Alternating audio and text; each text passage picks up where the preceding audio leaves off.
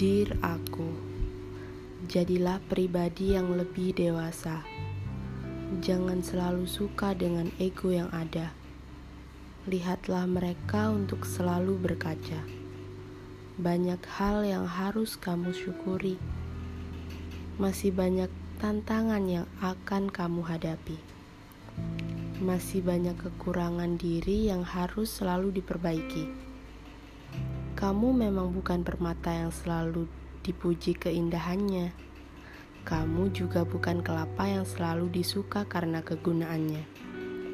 Kamu hanya seorang hamba yang bertanya, "Mengapa ada di sana?"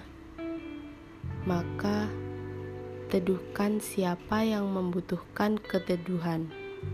Di sinilah kamu akan belajar manfaat menyebar kebaikan, karena kamu tahu Dewasa seseorang tak selalu diukur dalam usia, tapi sejauh mana pengalaman yang didapatnya.